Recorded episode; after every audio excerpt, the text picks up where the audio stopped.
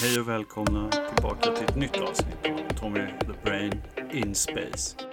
Jag brukar ju skämtsamt säga att podcasten heter som den heter eftersom allt finns i rymden och då kan jag prata om vad jag vill. Men idag, eftersom det är oktober och halloween närmar sig, vill jag prata om vampyrer. Men finns vampyrer ens i rymden? Det ska vi utforska idag. Det här är det elfte avsnittet av podden, vilket betyder att förra avsnittet var det tionde avsnittet.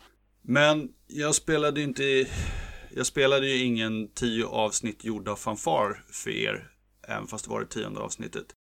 När jag började podcasten så drömde jag om att jag skulle göra ett avsnitt i veckan. Jag är expert på för högt ställda ambitioner och tänkt perfektion. Jag får nöja mig med att lägga ribban vid så många avsnitt jag orkar, så ofta jag orkar. Men ju oftare desto bättre såklart.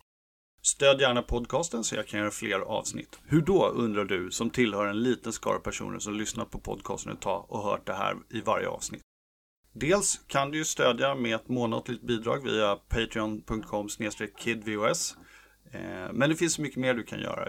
Varför inte gå in på Apple Podcasts och skriva en recension och ge mig så många stjärnor du kan i betyg? Varför inte gå till Spotify och göra samma sak där? Varför starta en insamling av namnunderskrifter för att övertala Spotify att ge mig 100 miljoner dollar om året istället för Joe Rogan? Några smarta lyssnare konstaterade att min tipsrunda, okej, okay, en lyssnare, även om den väckte deras törst för böcker och annan media, var i princip längre än själva avsnittet. Det var egentligen inte meningen om jag ska vara helt ärlig. Jag bara spann iväg och det blev lite mer utförliga recensioner och genomgångar av varje sak snarare än ett kortfattat omnämnande. Idag tipsar jag istället om en enda YouTube-kanal. Fast medan jag spelar in det här avsnittet så tänker jag jag kanske ska tipsa om tre YouTube-kanaler. Men jag kan tipsa om en annan YouTube-kanal nästa gång. Men jag vill inte att vi ska sitta fast i det här för länge. Men ändå vill jag att ni ska få lite kött på benen om varför jag rekommenderar just den här grejen den här gången. Eh, dagens kanal blir en eh, Youtube-kanal som heter Historia Civilis. En supertrevlig kanal om politik och krig i antikens Rom, Grekland och så vidare. I onödigt detaljrikt format. Varje avsnitt handlar om ett händelseförlopp i antikens Rom och är illustrerat med enkla schematiska animationer för att man ska få en djupare inblick i vad som hände under till exempel ett känt slag. Eh, men han som har den här kanalen eh, går också in på vad folk har skrivit i brev och vad de har sagt under anföranden i den romerska senaten. Eh, och hur liksom den kulturella reaktionen vid tidpunkten var vid att man kanske gjorde saker som var lite okonventionella. Som Caesar, Julius Caesar till exempel var ganska okonventionell tyckte romarna. Det jag gillar med den här kanalen och som får den att stå ut från andra liknande kanaler om antika krig och kungar är att han som gör de här videorna inte försöker få det att se ut som ett dataspel. Hans röst är inte ett försök att låta som David Attenborough eller Trailer Voice Guy. Hans illustrationer är inte superambitiösa. Det är lite mer lättsamt och helt ärligt mer avslappnat. Varje video ger massor med kunskap och man kan konstatera att historien för ungefär 2000 år sedan var fylld av mängder med what if moments. Vad hade hänt om Marcus Antonius bygge av vallgravar och pålverk i träsket vid ett slag mot de som hade mördat Julius Caesar hade upptäckts tidigare om de hade haft erfarenhet. Massor med sån en detaljrikedom som jag gillar jättemycket. Jag tycker det är en superbra eh, YouTube-kanal och varje avsnitt är så här, eh, jag skjuter liksom på att kolla på den för jag bara säger jag måste vara fokuserad när, för det är mycket detaljer och grejer. Det, det är roligt om man gillar historia och tv-serien Rome och det gör väl du, kära lyssnare. Nåväl, om det. Vampyrer. Finns de? En del av mina lyssnare är yngre och kanske inte kan relatera till den enorma lista av läskiga filmer och vampyrfilmer som jag har sett. Och kanske inte är så intresserade av det i allmänhet. Jag kommer inte gotta mig i läskigheter i det här avsnittet, även fast det är halloween snart. Men försöka hålla mig till en saklig analys av fenomenet vampyrer.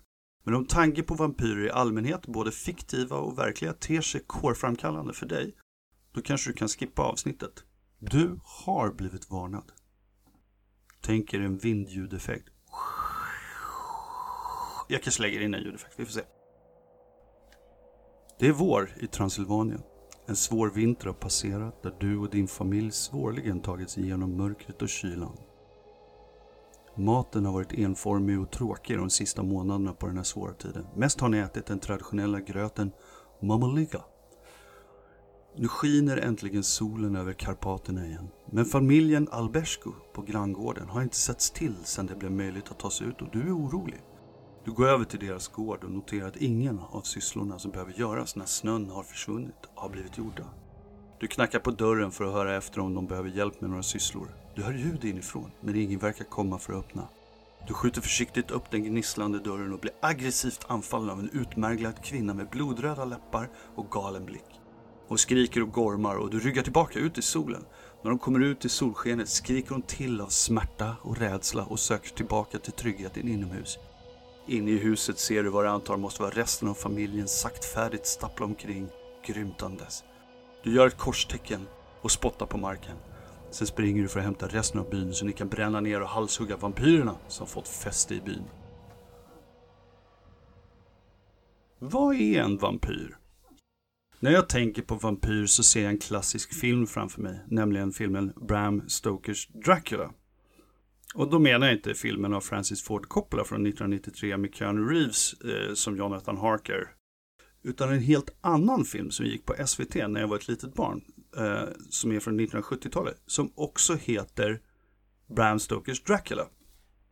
Den Dracula-filmen, Bram Stokers Dracula, som jag tänker på eh, hade Jack Palance Eh, kanske mest känd för oss moderna filmtittare för eh, sin roll som cowboy i filmen City Slickers.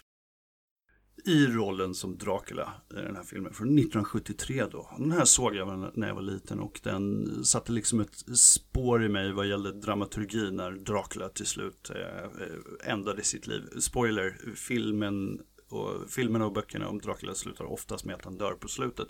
Jag hoppas inte det är för mycket spoiler för er alla där ute. Eh, jag älskar även Francis Ford Coppolas film från 1993, även om Keanu Reeves eh, brittiska accent är påfrestande. Det har gjorts mer än 200 filmer med karaktären greve Dracula som både hjälte och skurk. För alla våra lyssnare kommer nog liknande bilder fram av någon populärkulturell variant av den här historien. För eventuella unga lyssnare som är kvar så är Hotell Transylvanien det mer nyliga och barnvänliga inslaget det mest kända. Den bild vi får i vårt kollektiva medvetande är alltså av en odödlig person som behöver dricka blod för att överleva och som bor i ett slott. Det finns ofta en romantik i Francis Ford Coppolas version av historien. Det finns en ganska stark sexuell spänning i, i det här. Romanen som ligger till grund för all den här populärkulturella vurmen gavs ut första gången 1897 och handlingen går, i korthet går ut på att greve Dracula försöker flytta till England för att få tag på nytt blod och sprida sin odöda förbannelse. Värt att nämna, jag har tyvärr inte läst den här boken. Eh, jag måste nog ta tag i det. Eh, boken i sig är intressant för att den berättar handlingen genom brev, dagboksanteckningar, nyhetsartiklar och loggböcker från fartyg. Man kan berätta en historia på olika sätt och Bram Stoker valde att berätta på det här, på det här sättet lite som eh, en mockumentary eller eh, man kan tänka sig en 1800-talets motsvarighet till found footage, eh, filmer i, i bokform. Här är de hittade dagboksanteckningar och breven eh, rörande det som händer här. Men Bram Stoker, eh, den här författaren, han hittade ju inte på vampyren som begrepp. Han var intresserad av europeiska myter och folktro och använde det intresset som inspiration för sin bok. Typen av roman som Dracula motsvarar var vanlig vid tidpunkten för utgivandet. Alltså romaner om märkliga varelser som hotade med förstörelse och död. Liksom invasionsäventyrsberättelser. Mycket brukar göras ibland av det faktum att Stokers karaktär Dracula tagit sitt namn från den verkliga personen Vlad Dracula som härskade i Valakiet på 1400-talet. Men utöver namnet så har de egentligen ingenting gemensamt. Vi ska inte ägna någon tid åt sanning och myt gällande Vlad den tredje här, utan vi ska utforska vampyrerna. Varifrån fick Bram idéerna som bildade den idag så kända myten om vampyren? En inspiration var en essä av en eh, författare som heter författare journalist. Mm, jag har inte gjort research på Emily Gerard. Jag gör det nu. Emily Gerard var en författare som levde från eh, 1849 till 1905 och hon kom från Skottland. Och ja, hon skrev den här essän, Transylvanska eh, myter och folktro, Transylvania Superstitions. Hennes eh, kunskap om eh, Transylvanien kom från att hennes man var posterad i städerna Hermannstadt och Kronstadt från 1883 till 1885. Så hon var bekant med Transylvanien och deras eh, lokala myter. Essän, som finns online att läsa på Project Gutenbergs hemsida, berörs vampyrer bara i ett kort stycke, där vi kan hitta några av de klassiska attributen i korthet, fast Stoker har omarbetat och förändrat dem. Enligt rumänsk vidskeplighet ska vampyrer både kunna vara döda och levande. De döda kommer ut ur sina kistor och för att bli av med dem måste man antingen skjuta kistan med ett pistolskott eller köra en påle genom hjärtat eller stoppa munnen full med vitlök. På liket alltså. En som blir biten av en vampyr blir också vampyr efter sin död och fortsätter cykeln tills man dödat dem med de här ritualerna. Spännande! Precis som jag pratade om i mitt första avsnitt så kan man ju undra då var kommer den här myten ifrån? Varför får man för sig att det finns vampyrer, att de döda kan komma ut ur gravarna och suga blod från oss? För vi vet ju att det kan de inte. En tanke kan vara att det är någonting annat som har gjort till att man förklarar det här. Det här med vampyrerna var alltså, enligt vad jag har läst och den research jag har gjort, en vanlig tro. Man har undersökt gravar och hittat många fall av pålar, vitlök, halshuggna kroppar och så vidare. Det var inte ovanligt att man grävde upp kistor för misstänkt vampyrism och genomförde de här ritualerna till höger och vänster. Så kan det ha funnits någon sanning i myten om vampyrer i Rumänien? Myter måste inte ha en förklaring eller bakgrund i verkligheten. Men när man tittar på myter och söker efter spår i de historiska omgivningarna kan man hitta intressanta faktabitar mellan myt och fakta som kanske inte kan leda sig absolut bevis för en myt men som kan få en att höja på ögonbrynet och säga aha i boken Vampires Burial and Death av Paul Barber menar författaren att tron på vampyrer kom från förindustriella samhällens försök att förstå processen med död och förruttnelse. Förståelsen för hur fort en död människokropp bryts ner i olika miljöer uppstod egentligen inte förrän på 1900-talet i samband med att polis och kriminologer började utforska metoder för att avgöra hur länge en kropp legat på något ställe i olika miljöer om ni förstår. Människor i de här förindustriella samhällena förväntade sig då att en kropp skulle tyna bort, ruttna bort, kort och, kort och gott, lika fort i en kista som om den låg utsatt för elementen ovan jord. Man kan därför förstå att de börjar ana oråd om de gräver upp en kista med en människa som varit död en tid och kroppen verkar ovanligt välbevarad, uppsvälld som om den kalasat på blod och med blod på läpparna. Vi vet ju idag att kropparna sväller av gaserna som bildas genom förruttnelseprocessen, vilket klämmer på lungorna och kan få vätska och blod att komma ut genom näsa och mun. Skinnet dras ihop och tandköttet torkar ut, vilket kan få tänderna att framstå mer tydligt och framförallt hörntänderna kanske kan uppfattas som lite extra stora då.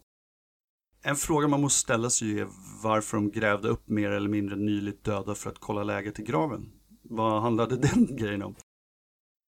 När man säger förindustriella samhällen så menar man ju alltså före 1700-1800-talet. Läskunnigheten var oerhört mycket lägre än idag och det man läste generellt var kanske Bibeln eh, och läste den i samband med kyrkan. Om ens Bibeln var översatt till ens eget språk. Om man jämför med en modern människa i Sverige idag så har ju vi läst hundratals gånger mer böcker än en vanlig människa vid den här tiden. Gammal folktroreligion var förklaringsmodellen för allt som hände. Man hade ingen känsla för att bakterier var något som fanns förrän långt senare. 1800-talets senare hälft och efter. Om man då tänker sig något slags mystiskt sjukdomsfall eller något slags epidemi som drabbar befolkningen med mystiska symptom för en icke läskunnig person eh, som inte har studerat många sjuka människor så är alla symptom mystiska och läskiga. Och så försöker man bygga en förklaringsmodell för det här givet folktron som man kanske redan har. Det är ju inte alls osannolikt att man har, hamnar i idéer om vampyrism och liknande. Låt oss ta en titt på sjukdomar som man idag spekulerar kan haft med vampyrer och tro på vampyrer att göra.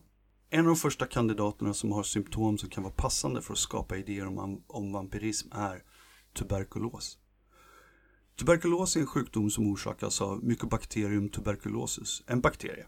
De flesta infektionerna är symptomfria, vilket kallas latent tuberkulos. Ungefär 10% av infektionerna blir aktiva och av de som får en aktiv infektion dör 50%. Men vilka symptom har då tuberkulos? Kronisk hosta med blod i, feber, nattsvettningar och viktminskning. Mm. Så personen under sjukdomsförloppet blir svag, har svårt att sova och hostar blod. Det kan vara värt att veta att tuberkulos idag är den infektionssjukdom som orsakar flest dödsfall i världen och man tror att en fjärdedel av jordens befolkning har en latent infektion. Latenta infektioner smittar inte tydligen. 2018 dog det en och en halv miljon människor av tuberkulos. Tuberkulos smittar via droppar från hosta, lite som en annan känd och aktuell sjukdom. För att bli smittad av tuberkulos räcker det med att man får i sig 10 bakterier. Jag kanske har nämnt någon gång att bakterier är otroligt små. Okej, okay, men varför tror man då att tuberkulos kan ha bidragit till omständigheterna kring vampyrmyter? Man har hittat spår av tuberkulos i 17 000, 17 000 år gamla bisonkroppar i Wyoming. Eh, men DNA-fynd visar att boskaps-TB och människo-TB har en gemensam förfader, vilket kan betyda att mänsklig tuberkulos kom till oss före stenåldern. Så människans samvaro med tuberkulos är, säg 15 000 år, men vår förståelse av det som en bakterieinfektion är 150 år på sin höjd. Det betyder att vi liksom har varit i kontakt med en sjukdom vi inte har förstått under tusentals år, vilket kan leda till märkliga tolkningar. Före den industriella revolutionen så hade man ingen idé om att sjukdomar orsakades av bakterier och virus. Sjukdomsförloppet för tuberkulos kunde för aktiva infektioner se ut som att först smittas en person i ett hushåll och tynar sakta bort. Personen har svårt att sova, är vaken på nätterna, hostar blod och minskar i vikt. Personen kan inte gå ut och vistas inomhus och blir blek och tanig. Efter att den första familjemedlemmen dött av tuberkulos insjuknar sedan resten av familjen och tynar sakta bort på samma sätt. Om man slår bort de moderna tankarna man har i sin hjärna och försöker komma på en förklaring baserad bara på vad man ser och upplever då kan man lätt hoppa till slutsatsen att den döde, okej, okay, det är inte lätt för dig och mig, men jag har sett virus i ett elektronmikroskop, vilket faktiskt är fusk. Slutsatsen är att den döde suger livskraften ur resten av familjen. Om man sen tänker sig att fler personer i ett litet samhälle smittats efter att en första person dött, så kan man se att folk börjar få för sig idéer. Man måste liksom försöka förklara det på något sätt. Man kan då börja tro att vampyrer springer omkring på nätterna och suger livet ur dem på grund av det här var det inte ovanligt att man grävde upp lik och körde pålar i dem. Här kommer därför en lite läskig detalj kring det här med pålarna och liken. Om du tar upp en död människa vars kropp fyllts med gaser från förruttnelsen och sen kör en påle genom bröstkorgen så kommer det leda till att liket låter när gaserna lämnar kroppen. Lite som om det suckade en dödssuck. Dessutom kommer liket på grund av gaserna lämnar kroppen röra sig och krympa till och krumbukta. Vilket ju skulle kunna tolkas som att man faktiskt har dödat något som levde. Att leva i ett förindustriellt samhälle var intensivt om vi säger så. Det finns enligt författaren Paul Barber en historisk koppling mellan vampyrmyter och utbrott av tuberkulos i Europa. Man kan alltså se mer rapporter om vampyrism kopplat till lokala utbrott av tuberkulos och liknande. Så det finns en intressant koppling där. Det betyder inte att det är eh, ett till ett förhållande här. Men det finns fler sjukdomar. Nu kommer vi till en av mina favoriter. Låt oss kika på Pelagra. En form av vitaminbrist. En brist på vitamin B. Va? Okej, okay, hör på det här. Redan en kort tid efter att Columbus hade nått Amerika började man odla majs i Europa och i kolonierna. Han tog med sig det på resorna hem. Den tyske herbalisten Bock skriver att majs odlas i alla trädgårdar nästan överallt i Tyskland redan år 1539. Majs blev väldigt populärt under 1600-talet i norra Spanien och sydvästra Frankrike. Så majs fick snabbt ett enormt genomslag som matgröda, inte bara bland europeiska kolonier i Amerika utan även bland europeer i den gamla världen. Men den amerikanska ursprungsbefolkningen visste att man behövde lägga till kalk till majsen. Varför det och hur kunde de veta det? Om man snurrar runt tillräckligt länge på matlagning och mathistoria så får man veta att amerikansk majsbaserad mat tillsätter olika ingredienser för att kompensera för att majs innehåller ämnet niacin i en form som våra kroppar inte kan ta till sig. Kalk är en sak man kan tillföra för att göra niacinet upptagbart för kroppen. Okej, okay, men vad händer om man inte äter niacin? Man får pelagra. Obs! Varning för sjukdomsbeskrivningar. Här kör vi! Symptomen för pelagra. Känslighet för solljus. Eksem i form av ett halsband runt halsen. Jag hittar inte på det här. Hårförlust. Svullnad av kroppen. Inflammerad och köttig tunga. Svårt att sova. Svaghet. Förvirring eller aggression. Förlust av kroppskoordination. Förlamade extremiteter och nervskador. Diarré. Mm. Förstorat och försvagat hjärta. Demens.